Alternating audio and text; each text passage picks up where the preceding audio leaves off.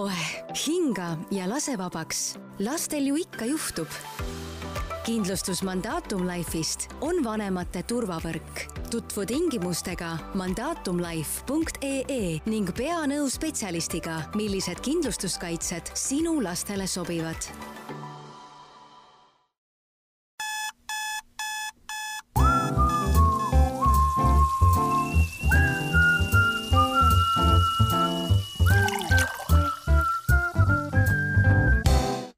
hommikust või hoopis tere päevast või tere õhtust, kallis kuulaja, millal iganes sul on võimalus meie tänast podcasti kuulata.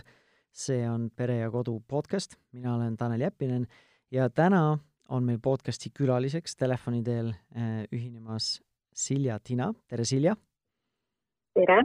ja Silja on äh, Confido erameditsiinikeskuse õendusjuht, lisaks sellele on ta ka kahe lapse ema ja tänane teema on selline ma ütleks hooajaline. Äh, ja me räägime siis puukidest, äh, puugi siis äh, ma ei tea, siis ennetusest ja muuhulgas ka siis vaktsiinidest ja nendest potentsiaalsetest haigustest, mida nad võivad siis levitada või endaga kanda. ehk siis kuidas hoida ennast ja oma peret ähm, ja kuidas minimaliseerida siis seda riski. Silja, esiteks suur-suur aitäh, et sa võtsid aega meiega siin ühineda ja oma kogemusi ja ekspertiisi jagada Mhm. väga palun. ja teiseks siis äh, saad sa natukene siis äh, võib-olla seda teemat avada, et, et kuna ja millal üldse see puugihooaeg on ja miks on see teema, millele me võiksime lapsevanematena äh, mõelda uh? Mhm. -huh. puugihooaeg on selline väga lai mõiste, puugid iseenesest muutuvad ju aktiivseks siis, kui maapinna temperatuur on pluss viis kuni pluss seitse kraadi nii, oota, kas sa saad korraks üle, üle rõhutada seda, et mis see gra-, temperatuur oli? pluss viis kuni pluss seitse kraadi mm -hmm. on maapinna temperatuur ja reeglina siis ütleme, kui meie ilmastik on nii-öelda Eestile kohane, siis see reeglina on märtsikuus äh,. aga, aga kindlasti see oleneb ka sellisest äh, hetke kliimaolukorrast, sest et esimesed puugid väga ju armastavad välja tulla kohe pärast lume sulamist Mm, ja tavaliselt on nad siis nii-öelda olemas või pildil meil oktoobri lõpuni, aga pehme talve korral siis kindlasti pikemalt. ja puuk armastab väga niiskust oma elutegevuseks, siis selline ähm, suvine niisk ja vihmane ilm siis neid nii-öelda veel äh, siis aktiveerib elama ja nende arvukus kindlasti veel tõuseb. Ehk et äh, puuk on väga-väga aktuaalne teema niimoodi läbi hooaja ehk siis kõige vähem nii-öelda peame selle pärast muretsema või sellele mõtlema siis talvel, eriti kui on veel mõnus korralik krõbetalv, mida meil sel möödunud talvel ei olnud. just, täpselt. okei okay., ja ma arvan, et see ei ole kellelegi nii-öelda üllatuseks või uueks informatsiooniks, aga et üks põhjustest, miks me peaksime teadlikumalt äh, nendesse ohtudesse või riskidesse äh, suhtuma, on see, et siis puugid, mitte küll kõik puugid, aga mõned puugid siis äh, kannavad endast äh, teatud haigusi, üks on siis äh, viiruslik puukentsefaliit. Ehk siis, mis selle teine nimi oli, puukkaju põletik vist? ja, ja teine on siis bakteriaalne, on siis see puukborrelioos. täpselt. Ja need, need haigused on tõesti väga sellised ähm, nii-öelda ohtu tekitavad inimese tervisele. et äh, kui nüüd rääkida natuke lähemalt nendest puukidest ja alustada siis pihta, siis Eestis on, on peamised äh, puugid siis võsapuuk ja laanepuuk ähm,, kes siis nüüd meil levitavadki neid erinevaid haigusi äh,. puukentsefaliit, mm, mis on äärmiselt raske haigus äh, on edasikantav siis äh, laanepuugi poolt ja ta on viiruslik nakkushaigus. et äh, need viirused siis äh, satuvadki inimese organismi, üks asi on läbi puugihammustuse ja teine on siis ka näiteks läbi kodulooma.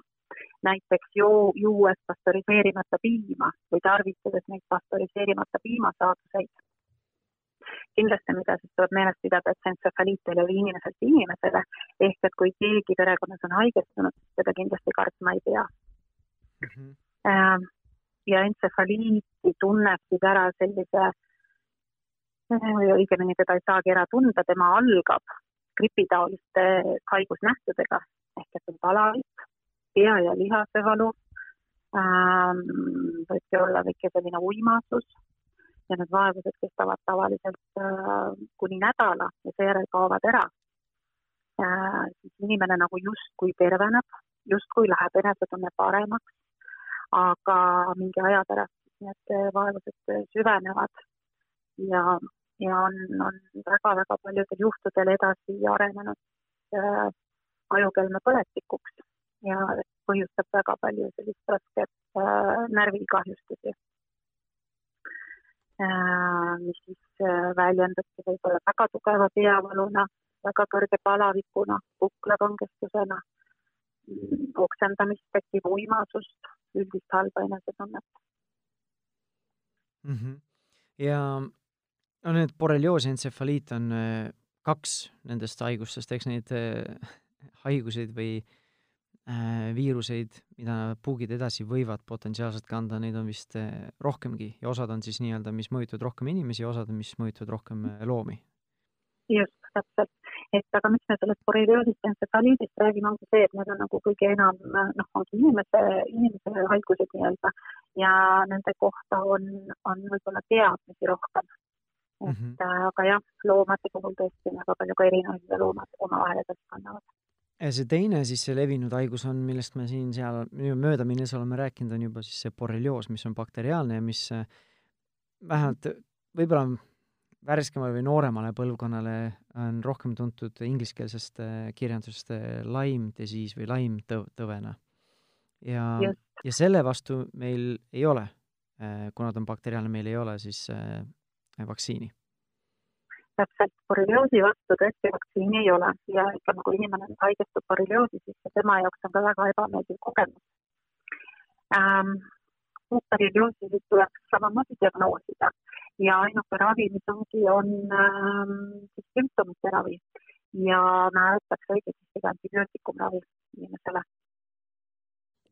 kas enamasti see antibiootikumi ravi või see borrelioosi haigus siis äh, allub antibiootikumi ravile või mitte? reeglina allub väga hästi. aga vist muret, äh, murettekitavaks on siis see diagnoosimine olnud, et äh, paljud ei ole saanud siis õigel ajal seda diagnoosi? Jah, ütleme nii, et kuna puugihammustus um, on selline hammustus, mida inimene ise sageli ei tunnegi et ta jalutab metsas, ta tuleb koju, ta isegi ei tea, et tal on puuk hammustunud ja selle tõttu jääb see nii-öelda märkamatuks ja ütleme, inimesel võib-olla tekivad mingisugused sümptomid. noh, tekib, tekib võib-olla äh, väike väsimus, tekib võib-olla peavalu või, või väike selline lihas- ja liigesvalu. ta ei oska mõelda, et, et äkki see on puugist ja selle tõttu nad õige tihti ei jõua ka diagnostikani et see diagnostika tuleb alles siis ütleme väga-väga tükk aega hiljem, kus võetakse oletuslikul või kahtluse jaoks ainult need puugi antikeha analüüsid, et aru saada, kas on puuk hammustunud ja siis pannakse peale antibiootikum ehk et inimene võib jah, selle läbi põdeda ilma, et ta teaks, et tal on puuk olnud. no tõsised, tõsised teemad ja tõsised jutuajamised. Teine asi on ka siis see, et kui eriti just lapsevanematena, et siit-sealt on jäänud kirjandusest mulje, et see puukide äh, need haigused, entsefaliit või borrelioos on nagu intensiivsemad või tugevamad, kui nad kunagi, ma ei tea, mõnikümmend aastat tagasi olid. ja mina ise mäletan ka, et lapsepõlves me olime küll äh, vaktsineeritud äh, entsefaliidi vastu, aga meil oli ikka suve jooksul, minul ja vend, vennal oli ikka korduvalt iga suvi oli puuk, käisime, jooksime kuskil võsas, olime maal, Võrtsjärve ääres, kuskil mujal maal ja nii edasi, et iga hooaeg, iga suvi oli mul mitu puuki. igast erinevates kohtades, aga ma ei mäleta nagu, et kordagi oleks mingit hirmu olnud, et kas võib-olla on siis see tänapäeva meedia, mis seda hirmu on külvanud või siis tegelikult on reaalsuses, et need haigused on sagedasemad tänapäeval või on nende haiguste kulg palju äh, nii-öelda intensiivsem või tugevam kui varasemalt, oskad sa seda ka kommenteerida või mis su isiklik arvamus on? no mina arvan seda, et äh, eks äh, vanasti või siis varasemalt see diagnostika on olnud vähene, et nüüd on see ju kättesaadav igas laboris ja iga perearstikeskus saab seda diagnostikat teha, mis just puudutab eksborrelioosi. Ehm, kindlasti, mis ka teadlased räägivad, on see, et, ähm, et nagu need haigused ise ju nii-öelda muteeruvad või siis äh, nende selline olemus muutub nii-öelda rahvakeeli või kuidagi väljendades kurjemaks või õelamaks, et et äh, ja kindlasti see oleneb ka sellest, kus piirkonnas äh, olla või elada, sest et äh, kui me nüüd räägime mm, nagu borrelioosist, siis bor-, või vabandust mm,, borrelioosist mul nüüd ähm,, aga ehk siis võsapuukist, räägime nagu võsapuugist, ehk mhm. kes seda borrelioosi justkui artiklite sõnul kõige rohkem äh, levitab, siis seda, seda puuki liiki võib leida kogu Eestis eks. Äh, aga laanepuuki, kes siis nagu seda entsefaliiti põhjustab justkui, siis seda on siis teatud piirkondades. muidugi kogu Eestis, aga enamjaolt Pärnu, Valga, Võru, Põlva, Viljandi, Tartu äh,, Ida-Virumaa, Läänemaa, Jõgeva. Ehk et nagu jah. et Harjumaa on vahele jäänud Äh, Harjumaa on siit nüüd laanepuugist nagu justkui Terviseameti info põhjal vahele jäänud, aga mhm. kindlasti teda on igal pool, et mina ei, noh, ma ei taha nagu valeinfot anda. levik on lihtsalt hõredam ilmselt. just, täpselt, täpselt.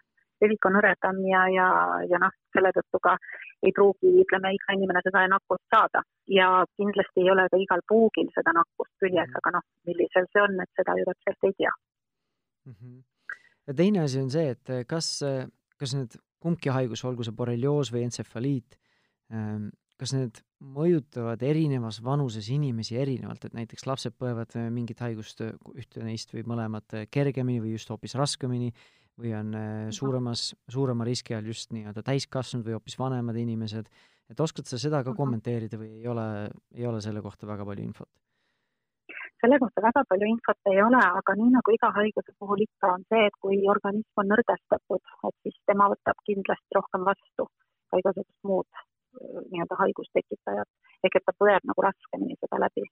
kui inimene on terve, tugev, siis, siis võibki olla olukord, et näiteks borrelioosi nakatumisest ei pruugigi aru saada kohe alguses mm. -hmm. kas borrelioosist on võimalik ravida või on siis see midagi, millega tuleb ülejäänud elu elada? Borrelioosi on võimalik ravida, aga borrelioosi puhul on meeles vaja pidada seda, et ta ei tekita immuunsust. ehk et kui borrelioosi läbi põdeda, siis võib juhtuda, et järgmine suvi samamoodi nakatub. kui entsefaliidi puhul tekib eluaegne immuunsus, siis borrelioosi puhul seda ei ole mm. -hmm. selge, no enne kui me nende vaktsiinide juurde lähme ja nagu me enne mainisime ka, siis vaktsiin on ainult äh, ainult siis ent-, entsefaliidile, kuna see on äh, viiruslik haigus. aga enne seda ma tahaks natukene keskenduda muudele viisidele en-, peale vaktsiini, et kuidas me saame neid riske maandada. olgu see siis ähm, lihtsalt teadlikumalt ringi käies, et arvestades, kus need puugid võivad meid varitseda äh,, kuni siis äh, või alates siis sellest ja riietusest ja võib-olla lõpetades muude viisideni, küll nende spreideni ja nende asjadeni, et mida äh, Äh, millel on potentsiaalselt mingi selline kaitsefaktor või mingi, mingi kasutegur meile. Äh, mis on sellised asjad siis, millele mõelda, kui me tahame mõelda oma nende, nende riskide ja oma pere kaitsmise peale et äh, no nagu me oleme rääkinud, siis puuke saab, eks ju, käies matkamas, käies kalastamas, äh, jalutamas metsas, lapsed armastavad muru peal mängida, rohuses mängida. et see kõik on ju väga, vägagi vajalik tegevus, et seda kindlasti mitte ära jätta, vaid nautida üldse oma elu, aga äh, võib-olla siis natukene, et vältida seda nakatumist, minnes metsa matkale kalastama, kindlasti panna pikad riided selga püksid pikad, äh, pikakäisega pluusi ja soovituslikult võimalikult heledad ja ka sellised kehasse liibuvad. Äh, põhjus, miks kehasse liibuvad, on see, et puugil on, on raske ennast haakida sinna liibuvate riiete külge. temal on lihtsam ähm, hüpata või siis kinnitada ennast selliste lopendavate riiete külge. ja püksisääred siis panna kas on kummikud jalas, kas on äh, sokid ääre sisse, ehk et nad oleks samamoodi äh, nii-öelda natuke kaitstud, et ta ei, ei lopendaks seal muru peal. siis äh, puugitõrjevahendeid, ähm, mida kasutada, on, on väga palju tänapäeval.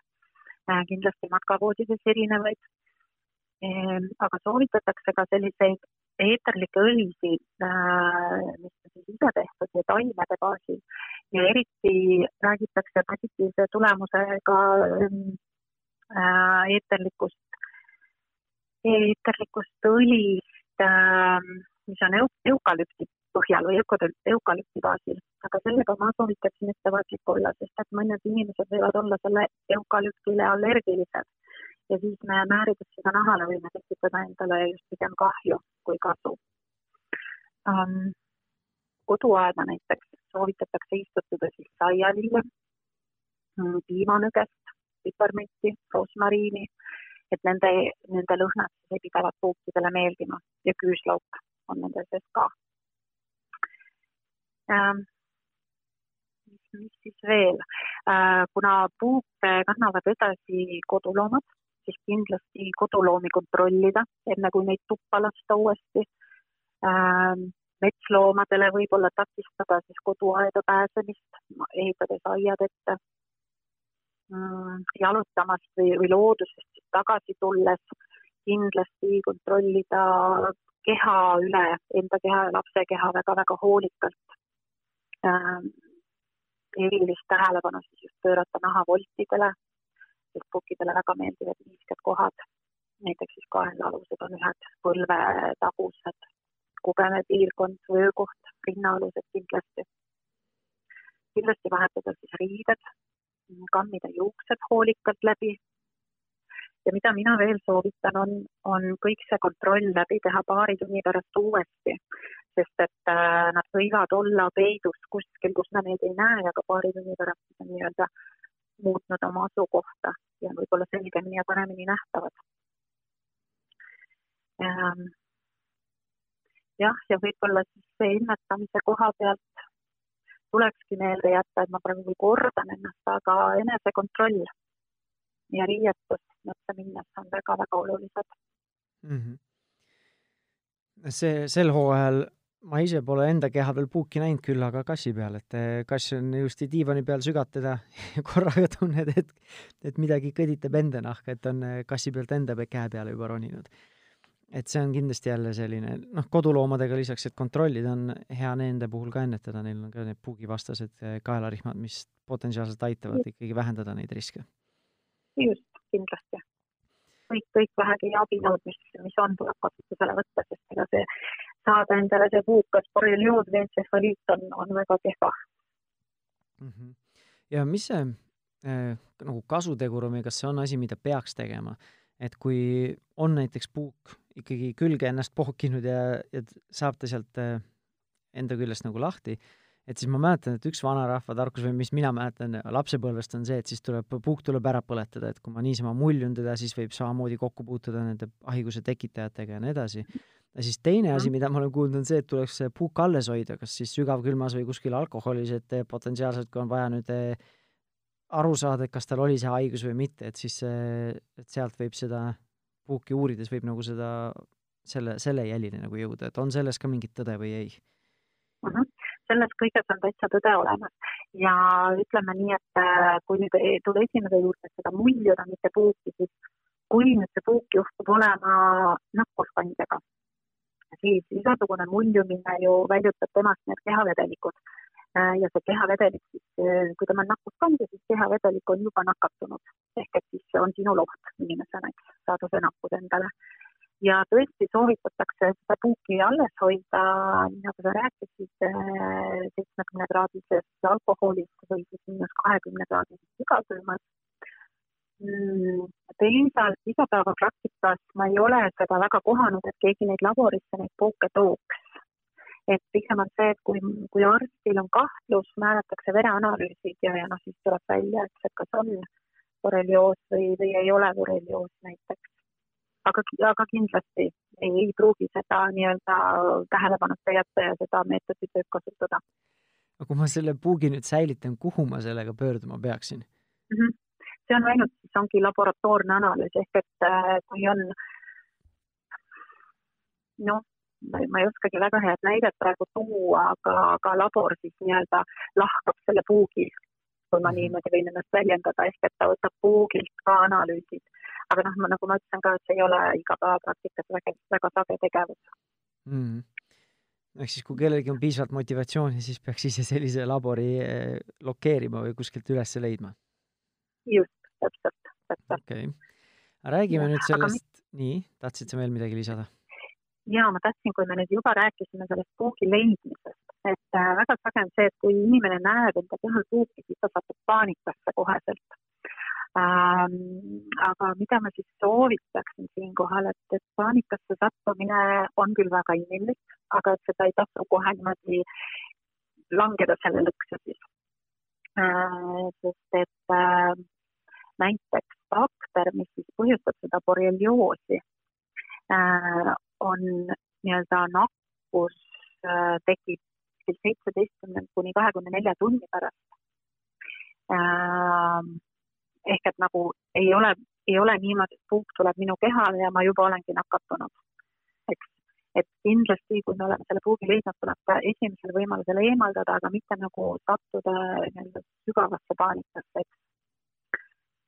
et äh, tuleb nagu aru saada, et äh, kõiki edasisi toiminguid puugi eemaldamisel tuleks teha rahumeelselt, sest muidu me võime seda puuki vigastada ja noh, väljutame ise veel seda mürki nii-öelda tema kehast enda, enda keha sisse, mis on tõesti jälle väga ohtlik mm. -hmm. kas seal on mingid eh, puugi eemaldamise puhul ka, et eh, on seal mingid sellised vanad uskumused või müüdid, mis tegelikult võib-olla kõige paremad lähenemised ei ole? Et küll on räägitud, et tuleb rasvaga, rasvastada, mingid või, võid või õli peale panna või siis hoopis alkoholi, et siis ta laseb ise lahti ja siis on see, et võib-olla kõige levinum on see ikka, et pintsentidega, pintsettidega ta välja tõmmata uh. -huh. kõige õigem on teda ikkagi võtta siis pintsetid ja väga naha lähedalt teda siis nii-öelda kindlalt haarates teda eemaldada nahast. Kõik need äh, vanad traditsioonid, kus uputati tõesti, nii nagu sina ütlesid, äh, mina siis äh, määriti rasvaga, need ei tööta näiteks on teada selline fakt, et puugid hingavad iga viie, viie tunni tagant ühe korra ehk et see uputamine justkui ei, ei tööta tema puhul. aga kui nüüd puugi eemaldamisest rääkida, kui ei ole neid spetsiaalseid pintsette võtta, mis on apteegis muidu küll müügil, et siis võib üritada ka sõrmedega haarata, aga see ei pruugi tõesti tulemust anda, sest noh, sõrmed on teadupärast mitte kõige, kõige mugavamad vahendid selleks ähm,. aga kui on pintsetid olemas, siis võimalikult nahapinna lähedalt äh, ja tõmmata siis puuki ühtlast survet avaldades puugile mm,. et kätte saaks siis nii-öelda tema selle peaosa ka, aga peab ettevaatlik olema, et me puuki ära ei lömastaks mm. -hmm. eks, et sealt see viirus siis välja ei tuleks. kui on näha, et puugi pea jääb naha sisse, siis seda tuleks eemaldada nagu pindu mis on nii-öelda justkui näitlikult pindeks. ehk siis nõelaga äh, või? just, just, mis, mis vahend kodus on. või kui sa näed, et ise kätte ei saa, siis pöördu kindlasti arsti poole. Aga seda puugihammustuse kohta tuleks siis äh, desinfitseerida kindlasti antiseptilise vahendiga, mis on, on ka tänapäeval väga kättesaadavad hästi ja, ja peale siis eemaldamise protseduuri soovitatakse ka need pintsetid ja käed hästi hoolikalt puhtaks pesta vesi ja veega. selge, no ma ei, kui midagi sellest koroonaviirusest positiivset võtta, siis vähemalt äh, me kasutame rohkem neid desinfitseerivaid vahendeid ja need on rohkem kät-, kättesaadavad peaaegu igas kodus ähm,. aga räägime nüüd sellest äh, vaktsiinist, sest äh, üldse mhm. tänapäeva maailmas see vaktsiini teema on üldse hästi selline kuum teema äh,. on väga tulihingelisi vastaseid kui ka siis pooldajaid et ähm, ja nagu noh, me rääkisime ka puukidega, siis me saame ennast vaktsiiniga kaitsta just ühe, ainult ühe haiguse vastu, mis on viiruslik, mis on puukentsefaliit. ja päris sinna vandenõuteooriatesse ja nende kummutamistesse täna siis ei lasku, eks igaüks saab iseenda otsuse teha, aga kui me nüüd räägime äh, selle puukentsefaliidi vaktsiinist, siis äh, üks asi, millest me rääkisime ka salvestuse väliselt, on see, et mis minuni on vähemalt jõudnud või nii palju, kui mina olen infot kuulnud, et näiteks äh, gripi puhul gripil on väga palju erinevaid tüvesid ja on siis ka erinevaid vaktsiine igale tüvele. et kuidas on selle puukentsefaliidi äh, vaktsiiniga, et kas see puukentsefaliit ise on üldse selline mitmetüveline või äh, see puukentsefaliidi äh, vaktsiin on võrdlemisi universaalne ja töötab siis ma ei tea, mis iganes kasu või tegu, tegu või efektiivsus selle protsendiga mm? -hmm. ja puukentsefaliit on, on tal nagu justkui tegelikult ei olegi väga mitut tüve, aga see vaktsiin, mis on välja töötatud, on, on, on siis selline, võime siis nimetada teda universaalseks, ehk et entsefaliidi vastu tema tõesti väga hästi toimib. aga ta toimib siis, kui tehakse läbi selline mm, korrapärane vaktsineerimise skeem entsefaliidi jaoks ehk et äh, esimene vaktsineerimine koosneb siis kolmest süstist mis tähendab siis seda, et äh, kaks esimest süsti tehakse äh, ühe kuni kolmekuulise vaheajaga ja kolmas süst kuni aasta hiljem. ja need kaks esimest süsti annavad tegelikult juba väga hea immuunsuse, aga see immuunsus kestab ainult ühe hooaja. ehk äh, kolmas süst on siis see, mis pikendab seda immuunsust ja võib nagu jällegi grammikene kindlam olla, eks. Ehm, kui nüüd need kolm esimest süsti on tehtud, ehk et see aasta on täis tehtud, siis korduvvaktsineerimine on iga kolme aasta tagant ja teatud vanusegrupil siis ka viie aasta tagant. Äh, ja seda kordusvaktsineerimise perioodi ei tohi kindlasti pikemaks jätta kui viis aastat, sest et muidu kehas kaovad ära äh, siis soovitud äh, antikehad, mis see vaktsiin siis toodab mm. -hmm no see oligi minu järg, järgmine küsimus, sest mina noorena olin, äh, ma ei tea, võrdlemisi religioosselt äh, vaktsineeritud puukide või selle puukentsefaliidi vastu, sest äh, ma ei tea, suviti veetsime palju aega võsas, võpsikus, metsas, maal ja nii edasi, aga ma ei mm -hmm. mäleta, kuna mul viimane süst oli, et ma julgen arvata, et see on rohkem kui kümme aastat tagasi. et -huh. siis tuleks alustada seda skeemi uuesti või? Tegelikult skeemi uuesti alustama ei pea. ehk et äh, Terviseameti juhistel on, on korraldused jätkata sealt, kust on pooleli jäänud. ehk et teie nüüd peaksite tegema uuesti, ütleme nüüd praegu vaktsiini ja siis järgmine on jälle kolme aasta tagant hmm,. et äh, kehas on siiski antikehad olemas e,. noh, et ta päris nulli ju ei lange sedasi, selles mõttes, kui algus on korralikult juba tehtud mm. -hmm. selge ja kui palju need vaktsiinid äh, aastatega nagu muutunud on, on need siis kuidagi, on mingi, on sul mingi ülevaade, et on need nagu arenenud, on nad efektiivsemaks läinud, sest nagu ma ütlesin, kui mina tegin neid oma nii-öelda neid esimesi vaktsiine, see oli, ma arvan, et viisteist, kakskümmend aastat tagasi, kui mitte rohkem. Mm. -hmm kindlasti vaktsiine ja nagu kõiki ravimeid ja üldse kogu meditsiini arendatakse kogu aeg. et ma küll kahjuks väga sellist keemilist koostist äh, ja sellist äh, laboripoolset äh, olukorda kommenteerida ei julge, aga olen küll seda meelt, et neid arendatakse ja nende, neid täiustatakse nii-öelda kogu aeg, sest ju muutub, muutuvad haigused, muutuvad maailmas kõik, kõik meditsiiniga seotud asjad, nii et usun küll, jah mm ma lubasin küll, et me päris nende vandenõuteooria teemadesse ei lähe, aga ma tahaks ühte asja küsida küll, mis natukene seotud on. et mm -hmm. kui palju on tehtud äh, neid uuringuid selle puukentsefaliidi vaktsiini vastu, et kui palju sellel on äh, tüsistusi, et kui palju või suur osakaal populatsioonist võivad sellele väga negatiivselt äh, reageerida? kas on selliseid numbreid olemas sul või ei ole mm? -hmm. Ähm ma nüüd arvan, ei ole ise lugenud neid numbreid, aga ütleme, kui me ise siin enda keskuses äh, inimestega räägime, kes äh, teevadki oma seda esimest kolme vaktsiini ehk et ta käib meie juures üpris stabiilselt, siis me alati küsime kõrvaltoimete kohta ja räägime nendest.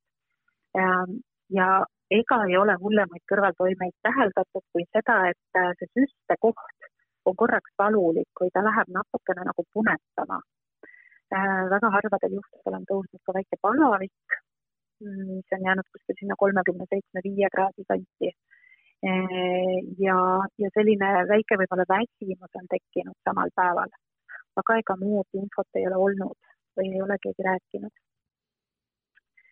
ja sellist päris äh, päris kirjandust, mis nüüd räägib maailmas kõrvaltoimete kohta, ega jah, jään vastuse võlgu praegu. Aga Eestis ei, ei, ei tea, et oleks olnud mingeid suuri selliseid teemasid? ei ole jah, kursis, ei ole kuulda olnud.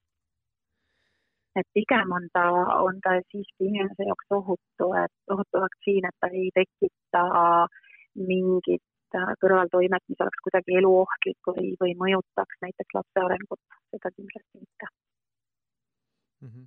ja mis vanusest võiks üldse mõelda laste vaktsineerimisele. No puugivaktsiini alates ikkagi ühe aasta vanusest lapsest oleks juba väga hea ja soovituslik, kindlasti mm,. okei okay selge, nii et mõtlemisainet kõikidele vanematele nüüd, et ähm, on veel mingid olulised teemad, mida me võib-olla ei ole katnud, vaatan kiiresti enda märkmeid ka, et kas äh, on midagi, millesse me ei ole veel süübinud? Pean ka mõtlema natukene, et ütleme, põhiasjad sai läbi räägitud, aga võib-olla siis, ähm, võib-olla siis veel kord tuletan meelde, et, äh, et ennast tuleb jälgida, looduses tuleb käia, liikumine on igati tervislik. Ähm, jälgimise juures siis silmas pidada nii-öelda riietumist, äh, keha kontrolli, äh, haigussümptomite jälgimist. Mm, ja arsti poole kindlasti pöörduda, kui, kui enesetunne on mingil põhjusel halb, aga justkui nagu otsest näidustust ei ole ja, ja kindlasti arstile rääkida siis ära, et, et armastate matkamas käia, armastate palju looduses viibida, et see on selliseks suunavaks äh, informatsiooniks arstile. Äh, kindlasti soovitan mina vaktsineerida, teha läbi korralik äh, skeem siis vaktsineerimise puhul. Ja kas see vaktsiin, nagu me rääkisime ka, et sa ütlesid, et see on võrdlemisi universaalne, et ähm, ma arvan, et see on rohkem tõene borrelioosi puhul, et need tüved või nii-öelda haiguskulg või need bakterid võib-olla erinevad nüüd, näiteks kui ma olen USA-s või ma olen Eestis või kuskil erinevas Euroopa nurgas, et kas see entsefaliit, kuna ta on viirus ja sa ütlesid, et, ta pigem on selline ühetüübiline, et kas see nii-öelda immuunsus, ma võin natuke nagu kergemalt hingata ka, kui ma näiteks liigun välismaal kuskil metsas ringi, olgu ta Ameerikas või kuskil Hispaanias või Kreekas või Saksamaal või, või suvel näiteks siin Skandinaavias ja, ja ikka võib kergemalt hingata, sest et eh, kaitse, kaitse on tehtud, vaktsiin on tehtud ja jah, viirus tõesti on, ta pigem on ühe, ühetüübiline ehk et millele see mm, vaktsiin siis nii-öelda töötab ja toimib. Aga millele tuleks võib-olla tähelepanu pöörata, et eh, nii nagu ükski ravim ega ükski, ei ole ka ükski vaktsiin nii-öelda sada protsenti ei anna seda kindlust, ehk et sinna juurde nüüd käibki see enese jälgimine ja nii-öelda kontroll siis. noh, see käib äh, iga asja juurde paraku et see, et arvestada sellega, et ei ole sajaprotsendilist kaitset äh, mitte millegagi. Aga nagu sa ütlesid ka, et siis äh, ise teadlikult äh, käituda, ennetada äh,, mõelda läbi oma pere nii-öelda siis, ma ei tea, kas või plaan et kuidas, mis on meie pereplaan, olgu siis, kas see hõlmab seda vaktsineerimist või mitte, aga mis on, mis on teie pereplaan, kallis kuulaja, et kuidas te siis hoiate oma peret nendest riskidest või kuidas te vähendate neid riske nende potentsiaalsete haigustekitajatega kokkupuutum-, kokkupuutumist vältida siis või kuidas iganes, mul juba grammatika läks sassi et ähm, et lihtsalt läbi mõelda ja vaktsineerimise puhul, nagu me täna oleme korrutanud, siis see vaktsineerimine toimub ainult puukentsefaliidi suhtes, et see teine eh, haigus on siis bakteriaalne, borrelioos, mille vastu vaktsiini ei ole, ehk siis see nii-öelda teadlik suhtumine, ettevaatusabinõud eh, peaksid kaasas käima nii või teisiti. tahad sa veel midagi lisada või, või tundub, et sai, sai kõik öeldud, Silja um,? vaktsineerimine on, mis on ju praegu väga-väga aktuaalne ja ütleme ka hooaja mõttes väga mõistlik, siis kindlasti tasub jah, enda perearstikeskusesse pöörduda ja võib-olla ka kui on, kui on vaja abi, siis meie Confido õed oskavad väga hästi aidata selles osas, et on väga hea väljaõppe saanud. ja võib-olla kiire see ka, et kui see, keegi alustab seda vaktsineerimisskeemi, eh, millal on siis selline ma ei tea, tark või viimane aeg, et äh, alustada sellega, et sa ütlesid, et esimese kahe süsti vahe oli üks kuu? kuu aega mm. -hmm. ja siis see suurem äh, nii-öelda vastupanuvõime äh, tekib mm -hmm. pärast seda teist süsti ja pärast kolmandat veel siis äh, see nii-öelda kõige parem äh, vastupanuvõime, on ju just pärast kolmandat süsti justkui oleks nagu täielik vastupanu, eks ju. aga et kuna see kõige õigem aeg on noh, nii nagu saate alguses sai räägitud, et eks ta on väga varieeruv. kui me nüüd võtame sellist kliimat, mis Eestil on võib-olla kohane, kus seal märtsi lõpus hakkavad puugid aktiivseks muutuma, siis juba veebruaris oleks väga hea aeg alustada.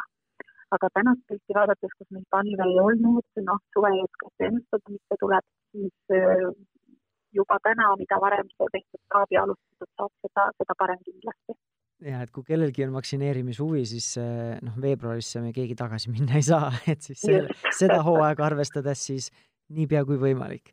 ja nagu sa ütlesid, saab pöörduda enda perearsti poole ja eh, lisaks sellele ka Confido eh, erameditsiinikeskusse. kus linnades teie keskused on üldse? Meil on nüüd põhikeskus asub ERM-i viiskümmend kolm A Tallinnas aga on avatud ka kaks kiirkliinikut, üks nendest on Nautika keskuses Tallinnas ja teine on Lasnamäe tsentrumis Tallinnas. ja nemad on siis avatud äh, kõik esmaspäevast pühapäevani äh, kaubanduskeskuse lahtiolekuaegadel siis mm. -hmm. ja, ja mõistlik on ette registreerida, kuna on patsiendil mugavam siis, et ei pea liiga palju koridoris ootama mm. -hmm. see on tema jaoks olemas ja valmis mm. -hmm. selge, väga hea suur-suur aitäh sulle, Silja, et sa võtsid aega meiega aega veeta ja oma kogemusi ja oma mõtteid jagada.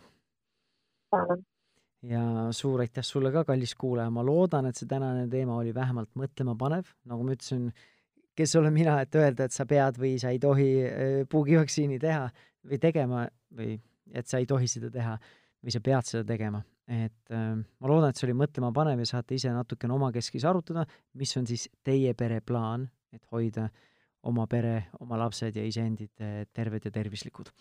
aga kui tänane podcasti teema läks sulle korda, siis meil on podcasti nii-öelda jutumärkides arhiivis juba kümneid ja kümneid podcast'e alates paarisuhetest, toitumisest ja kuni siis spetsiifiliste laste kasvatamisega seotud teemadeni ja sa leiad kõik need varasemad, aga ka tulevased podcast'id enda nutitelefoni podcasti rakendusest või äpist, Spotify'st, Delfi ning Pere ja Kodu veebiväljaannetest ja kui sa juba oled suur podcasti kuulaja, siis kindlasti viska, viska pilk peale ka minu sooloprojektile Rahumeelse vanemluse podcastile.